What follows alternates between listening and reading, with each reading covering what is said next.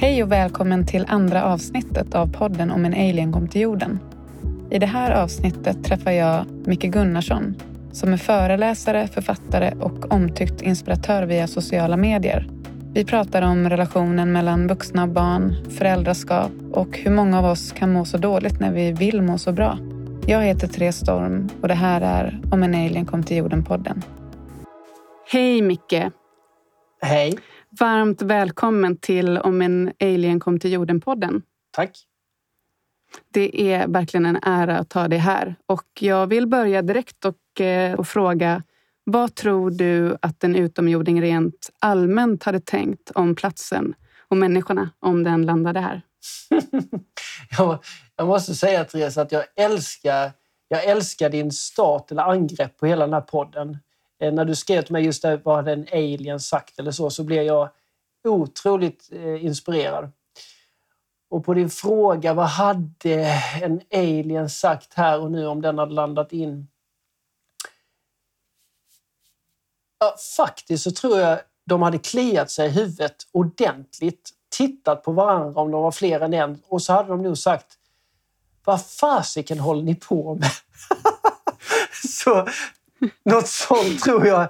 Eller de kanske också sen har blivit lite så börjat fundera vad är det som gör att de inte ser? Eller vad är det som gör att de går runt och slumrar till? Liksom? Eller när ska mm. de vakna? Eller så tror jag. I alla fall, hade några alien... Hade du frågat den här frågan... Eh, hade du ställt den frågan till mig för tio år sedan så hade jag svarat säkert på något helt annat sätt. Men just här och nu, där jag sitter nu, så tror jag det är det aliens hade sagt.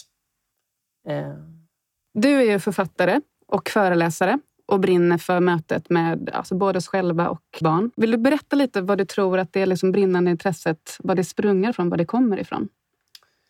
Eh, oj, vilken fin fråga. Eh, jag tror en stor inspiratör som i mitt liv när det gäller just kontakten med barn och unga och den, den livskraften som jag attraheras mycket av när det gäller barn och unga. Eh, för det är just energin jag tror också är så, är så levande i barn och unga. Plus att det är en skör liten planta som ändå ska bli nästa generation på något sätt. Men jag tror det som väckte min... Det är nog, jag måste nog bara säga min mamma då. Eh, nu finns hon inte med oss i, i, fysisk kropp, men hon finns ju alltid med. Men när, när jag växte upp som liten så var hon eh, dagmamma och så att vi alltid haft en massa, massa ungar runt omkring oss hela tiden. Och min dröm redan i tredje klass var att bli världens första dagpappa. Jag, jag älskade barn och jag sa alltid till mamma liksom att jag alltid vill gå upp extra tidigt på morgonen, redan vid sex, bara för att hinna leka med barnen innan jag skulle till skolan. och Så, där. så att, eh, det, Där har det liksom funnits naturligt.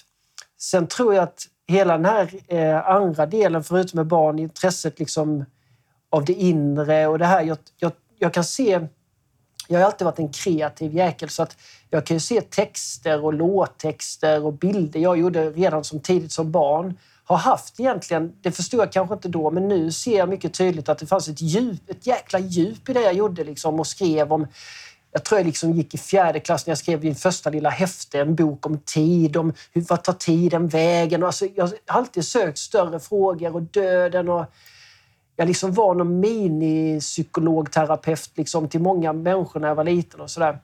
Eh, sen så kom man in i svängen eh, med allt vad det andra. När, när, vad ska jag säga, när man blev lobotomerad av samhällets alla normer, tankar, karriär och så började man springa och så blev man förälder och allt det här som snurrade på. Eh, så då blev man nog ganska förblindad jag med. Eh, men sen i samband med min med min utmattning. Jag kom till ett vägskäl för ungefär tio år sedan när, när kroppen tog mm. slut och jag blev, jag blev stoppad som, som både pappa, partner och människa. Jag kunde liksom inte komma längre eh, och var sjukskriven ett år. Där någonstans i den krisen så kändes det som att jag började komma hem igen. Och mycket av det jag antagligen hela mitt liv har sökt har, har på något sätt de här senaste tio åren mer eller mindre liksom börjat explodera i mig i intresse. Jag, jag känner mig mer hemma, mer rätt och gör mycket. Ja, det, det är liksom... Det är en helt annan människa på ett vis som, som, som sitter här med dig idag än om, det hade, om mm. jag hade varit för tio år sedan. Och det är klart vi förändras alla människor men jag känner verkligen hur, jag, hur, hur mycket transformation har skett i mig på något sätt. Eh, så att där ligger nog hela det intresset. Så det här med barn och unga, men också då det inre, det är nog också något jag fått praktisera så mycket själv som har gjort att jag blivit så nyfiken på det. Och jag märker ju hur mycket, hur mycket det finns att tillgå i livet som vi kanske springer ifrån. Jag brukar tänka ibland att tänk så många år livet stod och längtade och väntade på mig. Och nästan sa mm. liksom, Micke jag vill leva dig, när ska du komma? Liksom, när, ska du, när ska du landa in i mig igen? Liksom? Det är precis som lilla barnet som skrek, jag vill ju ha kul och leva ja. igen. Jag, jag vill ju ha roligt. Vad är, det, vad är detta liksom?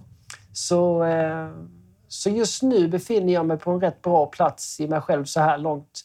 Sen ska det bli spännande. Skulle du och jag träffas om tio år och vi bokar en ny dejt så skulle det vara otroligt spännande att se vad vi säger då och vad jag tycker om mig själv där jag sitter här och nu. Men Ja, det är mm. spännande.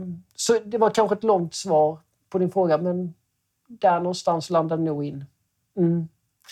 Jag blir väldigt nyfiken på, på din eh, utbrändhet. Förstår jag dig rätt om jag läser in att du, att du ser det som en gåva? Att du liksom hamnar i den krisen? Ja, jag kan säga på ett plan så kanske det är... På ett plan är det nog bland det värsta jag varit med om, men på ett plan är det det viktigaste jag varit med om. Mm. Eh, för det var... Det var nu ska jag inte säga att det aldrig hade hänt annars, men det hjälpte mig och det var en bidragande orsak till att jag, att jag ville vakna upp på ett annat sätt. Eh, och att jag började söka både inåt och söka efter hjälp som kunde hjälpa mig framåt och inte bakåt. För att mycket av det som hände när jag, när jag hamnade i utmattning, det är ju också igen att hela samhället står och skriker. Det, det är liksom arbete, det är, det är kollegor, det är släkt och vänner. Alla säger, läkare, hela vårdapparaten säger du ska snart tillbaka, du kommer snart tillbaka, kan du komma tillbaka 50 procent? Allt det här. Mm. Och jag vet, jag var ute och gick i en skog och, och det bara damp ner hela huvudet på mig. Alltså, det, var, det var som pff, så på explosion att när jag insåg att jag skulle aldrig mer tillbaka igen. Utan jag skulle Nej. inte tillbaka till den plats som har drivit mig till detta vansinne. Inte utifrån skuld eller att jag tyckte det var dumt gjort, men jag ska inte tillbaka. Utan jag ska ju framåt mot något nytt nu. Så jag behöver hitta mm. modiga människor, modigt sätt att jobba med mig själv in i det okända egentligen. För att jag, jag måste liksom levla upp eller komma till en annan plattform. Eh, så det tog ju ett tag innan jag fattade. Och när jag väl började fatta det, då var jag inte heller rädd att söka mig till hjälp som var okänt för mig. Utan då var jag mycket, mycket mer öppen eh, och jag vågade hålla i handen i människor som hade helt andra tankar och idéer. Modiga människor, kanske människor med egna erfarenheter av, av, eh, av sitt sökande. Så att, eh, det hjälpte mig otroligt mycket. Alltså. Eh, ja, så det, det... Sen kan inte jag gå runt och önska människor att de blir utbrända, men ibland önskar jag faktiskt människor lite helsike. Och Ibland kan nästan vilja... Ibland håller vi tillbaka människor när de börjar må dåligt för att mm. nej, nej, nej, nej. Egentligen borde vi ge dem en kärleksfull putt i baken och säga att det kommer ordna sig, men du måste lite till för att du ska göra de förändringar och få de insikterna till dig som du behöver. Eh, mm. Så... Eh, mm. Någonting sånt. du har ju bland annat skrivit boken Tio saker som jag vill säga till mina barn innan jag dör. Mm. Vill du berätta lite grann om, om varför den föddes och varför du skrev den? Ja, eh, ja, det är två grejer. Det ena var så här att eh, jag, det hela egentligen på ett sätt började det hela med att jag fick upp ett meddelande i min mobil från en okänd tonåring, en, en ung tjej som befann sig egentligen på en plats där hon stod mellan ett val om hon ville leva längre eller inte. Och mm. eh, hon, den, enda, den enda text jag såg i den meddelandet var så här, är du en sån man kan snacka med? skrev hon. Usch, jag blev mm. nästan rörd. Eh, och jag sa liksom, ja det kan jag. I vilket sammanhang? Då visade det sig att hon hade hört någon kompis som hade varit på en föreläsning med mig och så hade väl hon tipsat henne då att skriv till han i alla fall. Du kan väl skriva till någon. Mm. Och det var egentligen en början på en ganska lång resa. Den, den, den resan håller i sig ännu. Jag tror det är sju, sex, sju år sedan egentligen eh, där det började.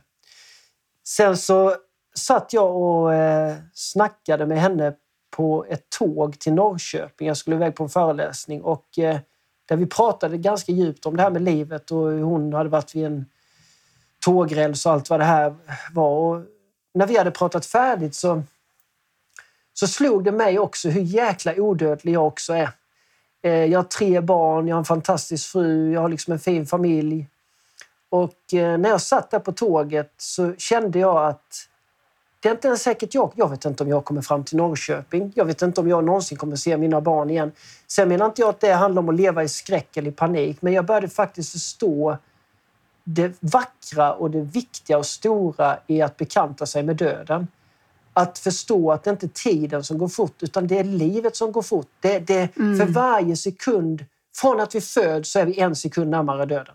Hela livet går egentligen, det är liksom verkligen ett projekt som handlar om en tydlig början och ett slut. Mm. I, I alla fall utifrån denna kropp som jag verkar i. Så att när jag satt efter samtalet med henne så kände jag att, men låt säga nu att det skulle vara den sista resan nu då.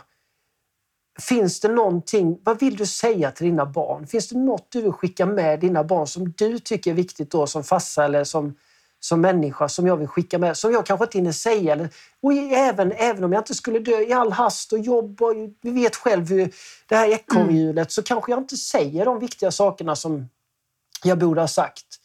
Så då satte jag mig på tåget egentligen tur och retur till Norrköping och började skri skrev den. Egentligen skrev jag nästan hela den boken på tur och retur till, till Norrköping. Eh, den bara laddades ner? Ja, ja, ja, jag har aldrig skrivit något i hela mitt liv. Det, det är viktigt. Det låter kanske lite djupt men det är inte jag som skriver på Instagram eller skriver böckerna eller, eller pratar på föreläsningar. Jag känner inte det längre. Det är inte så att jag sitter och tänker ut, liksom, nu ska detta ska... Utan det bara händer. Utan, och jag tror det är så att ju mer vi hamnar i, vad ska jag säga, på en plats i vårt liv där vi, där vi verkligen där vi kan där, vad ska jag säga, där vi kan vara sanna och där vi känner oss rätt eh, vad ska jag säga, ett flow på något sätt så kommer saker till oss. Det, eh, mm. det, det, det, låter kanske...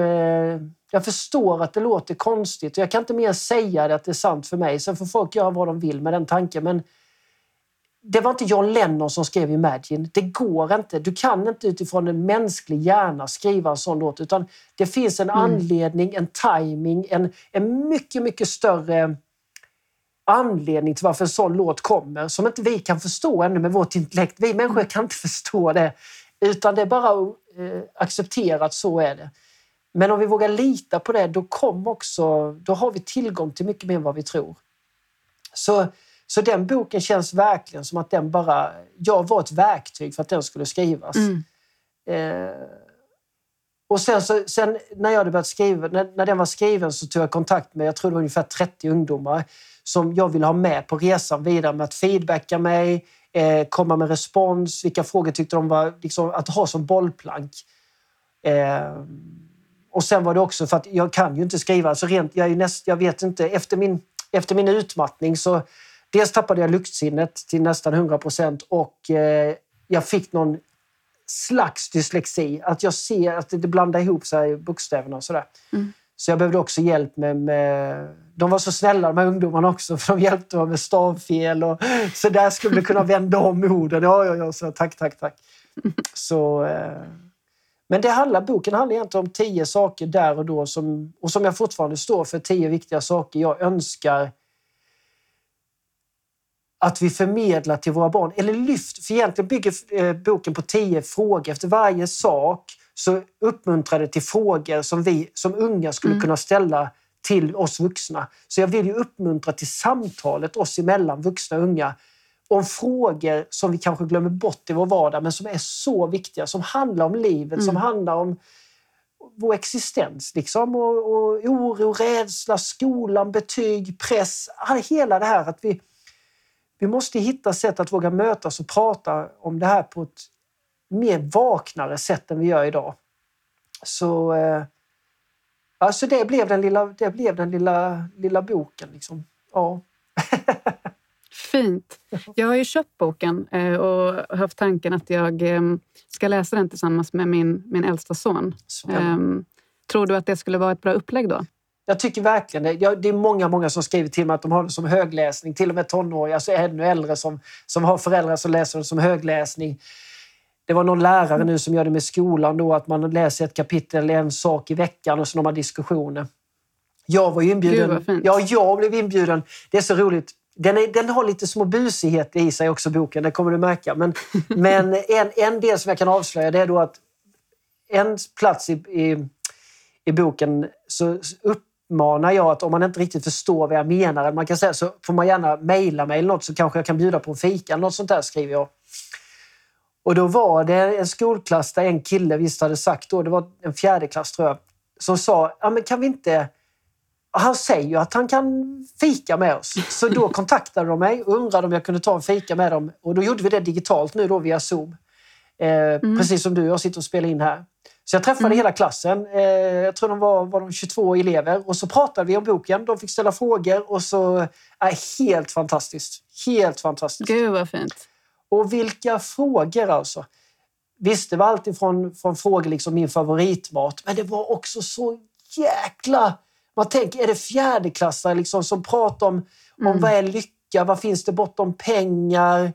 Eh, hur, hur, tänker du kring din kropp? Tror jag det var någon fråga. Alltså, åh, det var så häftiga saker. Wow. Eh, ja, verkligen. Men du vet, vi får inte plats med det i skolschemat idag. Du vet, det är så mycket annat Nej. som ska in så livet får vi vänta med till sen. Eh, jag, brukar skoja om det att, eller skoja, jag är högst allvarlig egentligen, men Skolan är så fokuserad på att lära människor om allt det yttre att vi glömmer det viktigaste av allt, vårt inre. Och jag, jag, brukar säga så att skolan, vi är mer intresserade om det finns liv på Mars än om det finns liv i oss själva. Och vi måste mm. börja där nu. Och det, det, kommer att hända, det händer redan. Liksom. Men mm. det, är dit, det är dit vi är på väg nu. Vad tror du att aliens hade sagt om relationen mellan vuxna och barn här på jorden? Nej, men jag tror så här, hade, hade, hade, hade någon alien kommit ner nu och tittat på föräldraskap, relationer barn, eller föräldrar och barn, så hade en, eller vuxna barn, en alien hade sagt så här, låt dem vara, hade, hade en alien sagt. Vad fasiken, låt dem vara! Eh, och en alien hade sagt, eh, glöm inte bort dem, hade en sagt. Mm. Var med, alltså de längtar efter er, barnen vill ha er, de längtar efter er. Men hade de kommit fram till båda aliens sen när de hade suttit ner och pratat en stund att aha, hade en alien sagt. Hela, alla de vuxna, det enda de tjatar om och försöker det är att se hur de ska få rätt och få sina ungar att bli som de mm. vill att de ska vara. Men det de behöver lära sig är att de vuxna behöver lära sig att bli på det sättet de själva vill vara när de möter barnen som de är. Mm. Förstår du? Det tror jag Alien hade kommit fram till. Att ge tusan i ungarna, de är perfekta som de är. Bygg inte upp för mycket kontrollsystem mm. och allt vad ni håller på med. Utan låt dem leva och visa snarare er vuxna vägen, för ni håller på att missa livet. Mm. Eh, och sen har de sagt till vuxna, skit i ungarna och sköt er själva. Jobba på er egen mm. skit mm. så ni kan möta ungarna på det sättet som de behöver bli mötta på.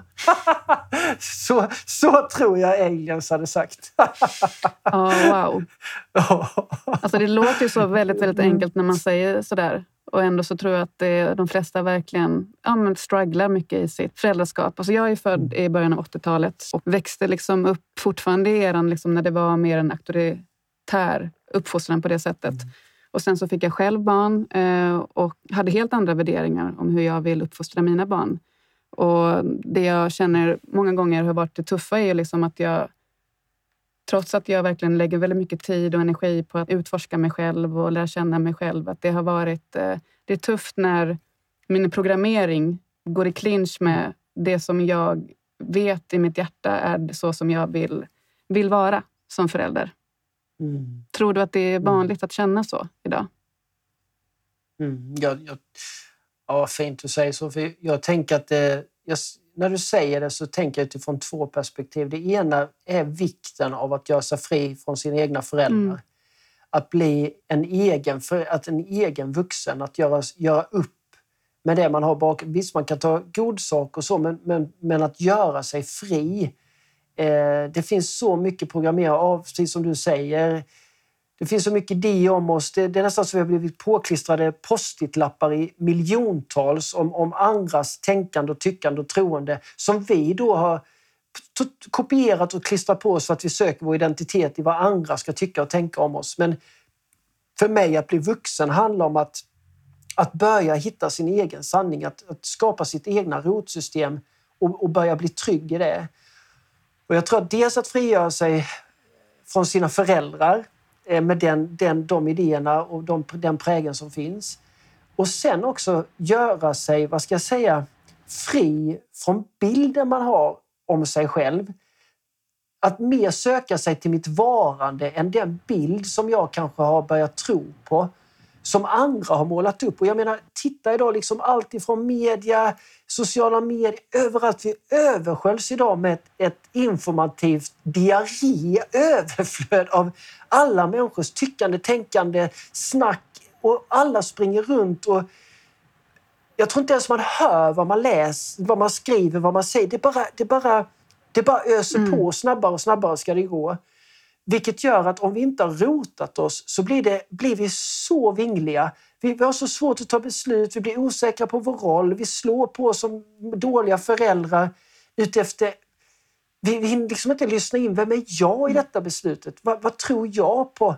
Utan vi blir så sårbara för att vi blir i samma sekund rädda för vad ska de andra säga? Hur ska grannen säga? Vad ska mina föräldrar säga? Vad, vad säger media? Och någonstans vet ju både du och jag att oavsett vilket beslut du tar med dina barn så kommer det vara de som säger Shit Therese vad klok du är. Men det kommer vara lika många som säger Therese du är helt fel ute. Så du kommer alltid vara chanslös.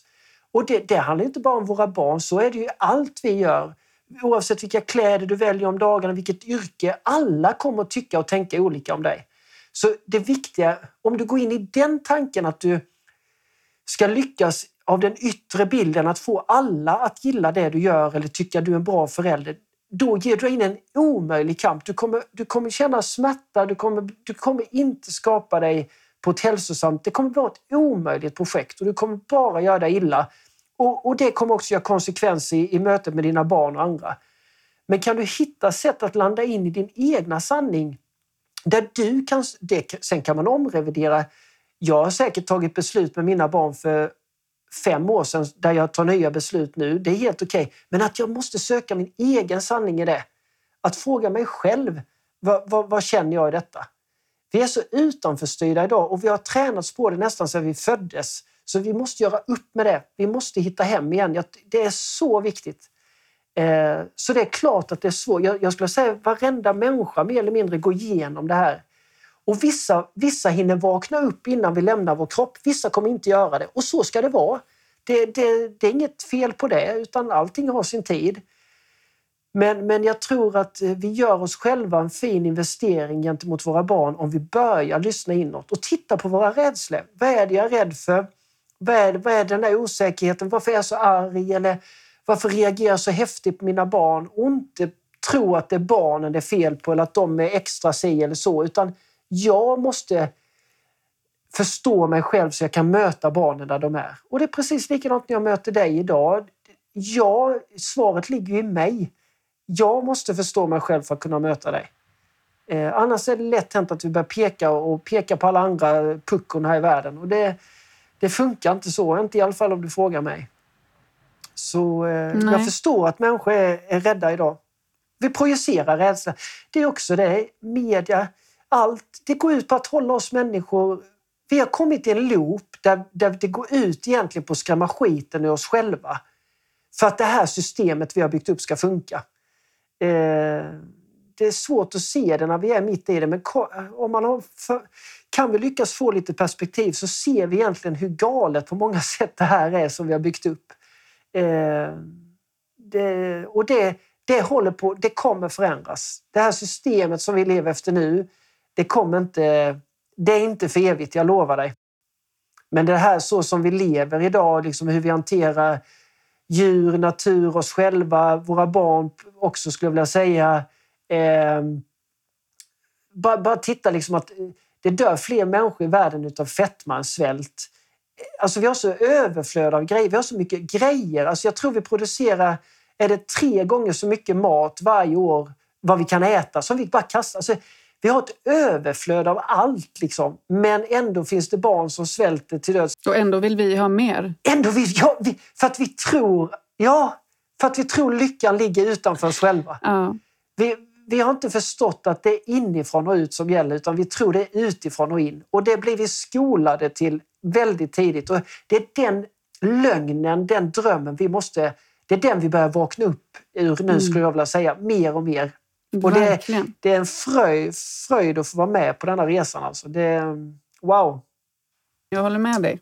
Det var som vi sa tidigare innan vi började spela in, att det är verkligen en spännande tid att leva just nu. Ja, ja, ja. Mm. Nej, och, eh, och allt är så sjukt komplext. Alltså. Det är också en sån grej. Det finns inga enkla lösningar längre. Även om vi människor i det här i den ekorrhjulet vi är nu så vill vi ha quick Mm. fix. Ge oss tre snabba sätt på att få ordning på min unge. Ge mig fem snabba tips och gå ner 30 kilo. Alltså vi är så, vi är så Ja. lost. Va? Så att, fast egentligen så handlar det om att allting är så sjukt komplext Mm. idag. Och det börjar man ju se också. Det finns Coronan till exempel är också en sån grej där det blir så fint att se att detta är inget var och en kan lösa. Inget land kan ens lösa det själva. Utan all, vi, det blir så tydligt att vi verkligen allt, att allt är ett. Mm. Att vi alla sitter ihop i allt. Djur, natur, allt. Och jag tycker coronan på det sättet är väldigt tydlig på att visa oss att ja, det är så här det funkar vänner. så... ehm, mm.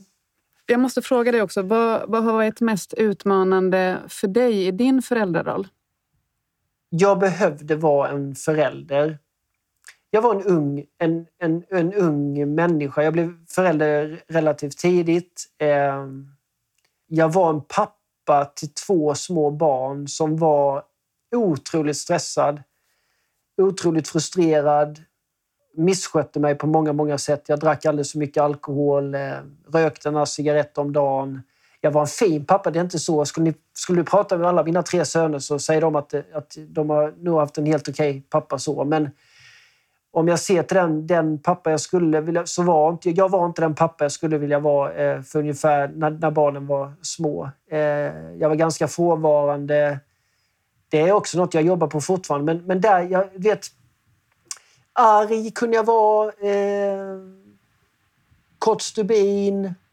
Hade inte kommit till den platsen i mig själv där jag förstod att det var jag som behövde ta hand om mig utan jag mer projicerade på barnen och tyckte de var allmänt jävla jobbiga och störiga, att de aldrig kunde vara lugna. Jag, jag såg inte...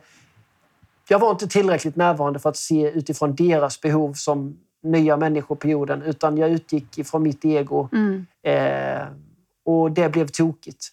Och, och att då ha två små täta barn, jobb, karriär, ny, skulle renovera hus, eh, min fru, allt, allt det, det gick inte. va Och där, det, då var ju inte det en utmaning i sig, för att det var ett sätt för mig att leva. Men den största utmaningen och den vackraste och viktigaste utmaningen då i mitt föräldraskap, det var när jag började inse att detta funkar inte.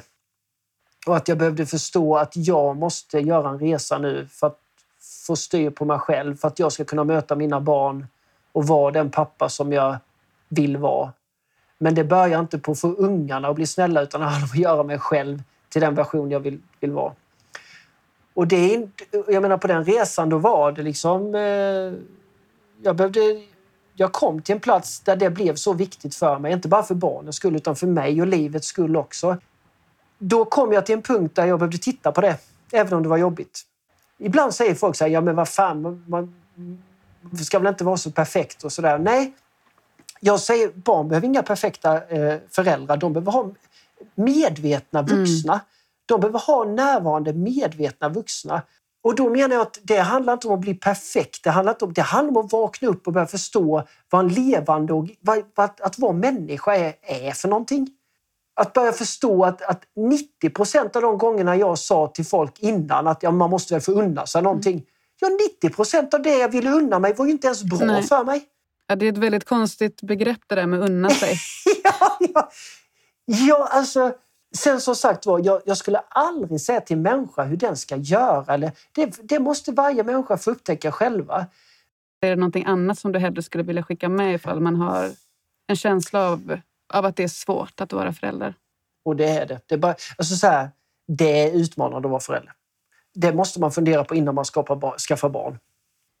Så vi måste vara på det klara med att, att vara förälder är utmanande.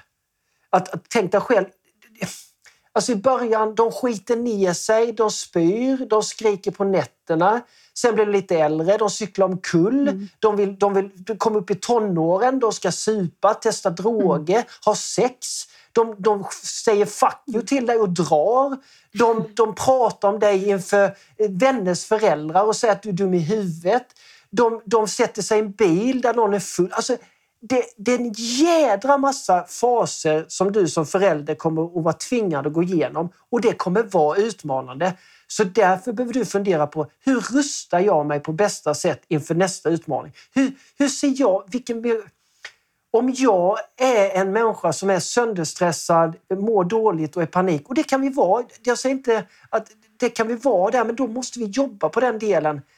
Vi behöver ta det ansvaret. Annars är ju risken jag möter ju barn som, som säger att deras föräldrar har slutat vara föräldrar utan de har blivit poliser och jag hatar dem. Och när man pratar, vad är det du menar? Ja, då, då, det ofta handlar om en, en förälder som inte har jobbat på sina rädslor utan är stenhård mot sina, mot sina barn. Mm. Kanske också för att de inte har gjort upp med sitt, sina egna föräldrar. Där det är stenhårt och det är mobilförbud och det är utegångsförbud och det är bestraffning och man tvingar barn att man ska se dem på snapkartan och det är liksom ett övervakningssystem där barnen inte får syre till slut. Och sen undrar man varför barnen är arga på dem eller smäller i dörren. Ja, det, de, barn vill inte ha poliser. De vill, de vill ha världens bästa kompis och det är det vi ska bli som föräldrar. Eller i alla fall ha som ambition att jag vill bli en människa som du vill hänga ja. med, som du vill öppna ditt hjärta eller berätta de mest tuffa grejer. Åh, jag har fått utslag på snoppen, pappa, fan. Ja, det är mig du kan komma och prata om det. Jag kommer inte skälla ut dig och säga vad fan du ska använda kondom. Utan jag, jag är din polare. Så att, så att vi måste förstå att det är utmanande att vara förälder.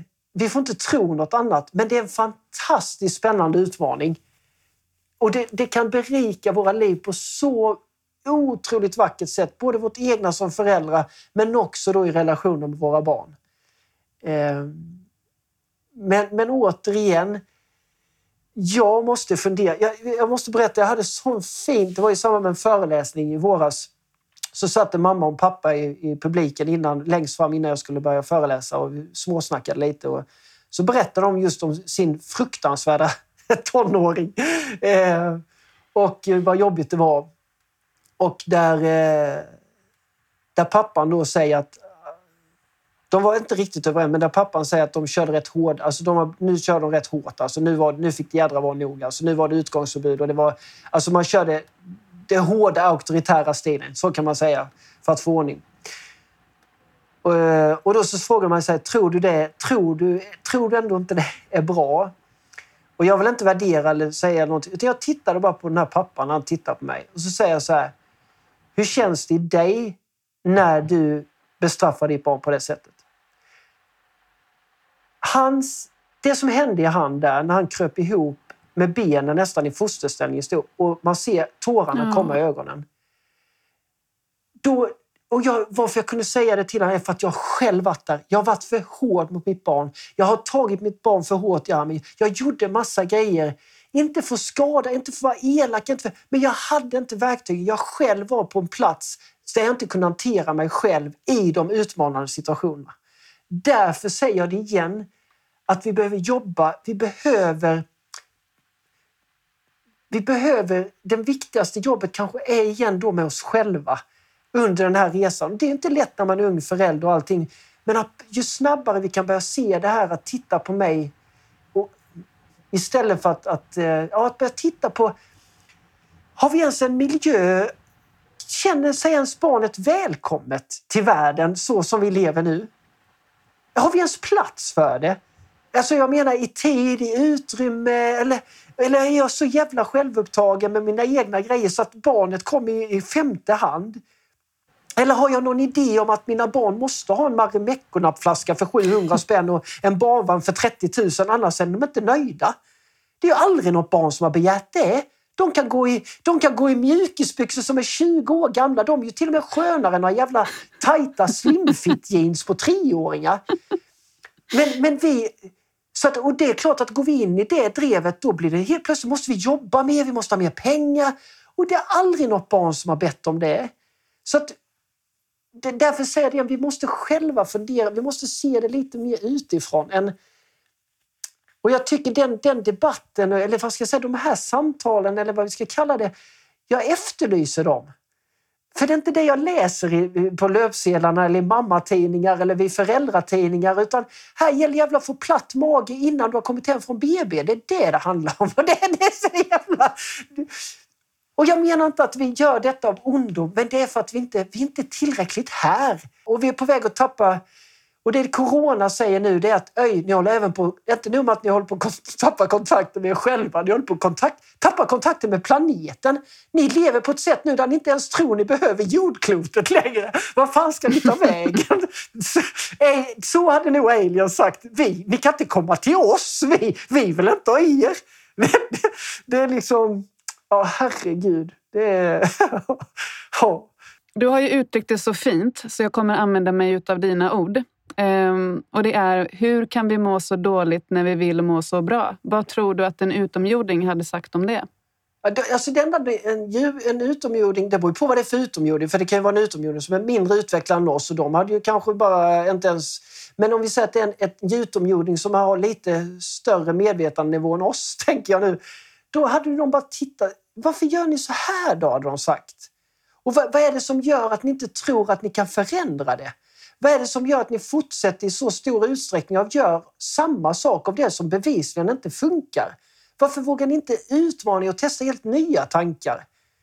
Alltså, och då, då tror jag de hade sagt att ni, ni, ni kan våga ställa er mycket, mycket större och utmanande frågor än vad ni gör just nu. Ni kan börja våga ifrågasätta ekonomi, pengar, eh, eh, konsumtion, eh, synen på arbete, synen på skola. Det finns inget som är hugget i sten. Ni, behöver, ni, kan, ni är fria människor att göra vad ni vill. Men ni behöver liksom få ihop det här. Liksom.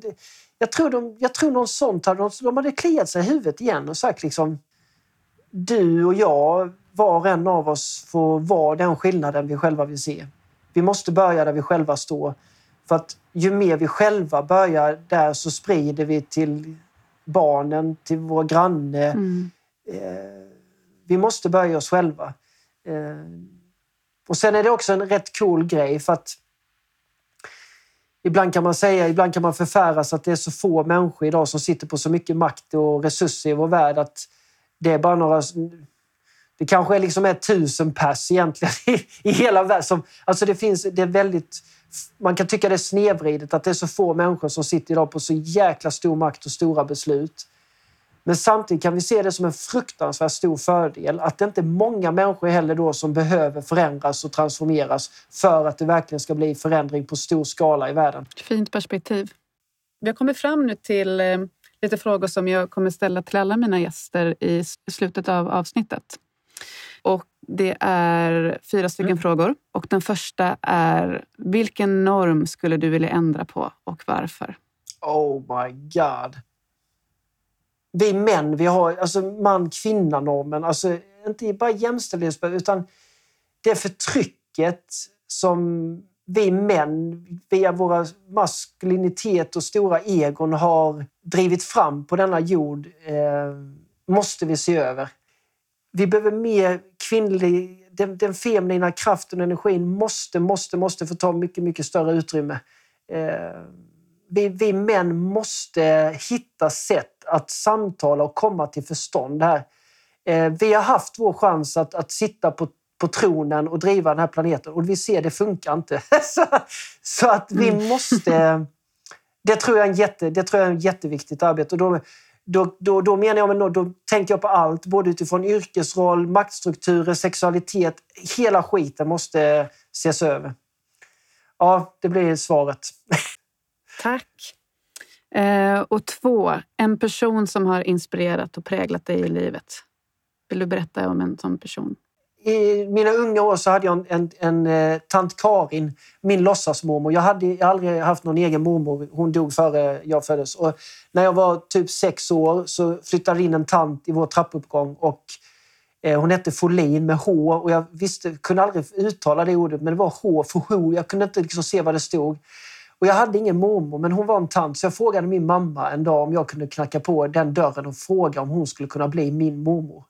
Och jag knackade på och tant Karin öppnade dörren och sa hej, liksom, vem, vem är du? Och så sa, då sa jag, jag heter Micke, jag bor här uppe, typ. men skulle du kunna tänka dig att bli min mormor? Och då sa hon, självklart ska jag bli det. Sen hängde vi ihop i stort sett varje dag under min... Och jag växte upp på ett fantastiskt fint sätt med mycket kärlek men det har också varit en hel del utmaningar i, i min barndom. Och eh, hon var min, eh, min livboj. Eh, oavsett hur det blåste så kunde jag alltid gå hem till tant Karin eh, och hon fanns där. Nu finns hon bland... bland eh, nu finns hon inte heller, hon finns i mitt minne liksom. Eh, sen, sen skulle jag kunna namedroppa en massa inspiratörer, människor som är viktiga för mig just nu. Eh, men jag menar jag, några som inspirerar mig mycket nu är Eckart Tolle, det har han gjort i 15 år. Sadhguru tycker jag är helt fantastisk. Jag hade möte, sitta meditation med honom för ett par år sedan i London. Sådana som, som jag tycker representerar mycket av det nya som behöver växa fram. Och det finns en lång lista där. Men... Sen min familj inspirerar mig självklart och min fru som är min, min trogna... Ja, ja, ja. Nej, fantastisk människa att få leva med. Vi har levt i 30 år ihop. Liksom. Det, är, nej, det, det är magiskt. Men eh, du fick många ord där. många namn. för att må bra i livet, vad tror du är viktigt för oss människor då? Ja, jag skulle, usch, detta är, åh, vilken bra fråga. Jag önskar jag bara hade haft ett sånt. Bara, yes. Men alltså, att förstå vägen ut är in. Mm. Eh, som en liten avrundning av det, all, egentligen ja, allt som vi har pratat ja. om, eller hur? Sammanfattning. Du, det är en rättighet att må bra. Du, du, du, du är värd att må bra. Du är värd att vara älskad. Eh, och, och må bra, ta det inte på så stort allvar. Vi har så sjukt liten, liten stund på oss och vi får låna en liten kropp här. Ha kul för fan! Släpp en fis!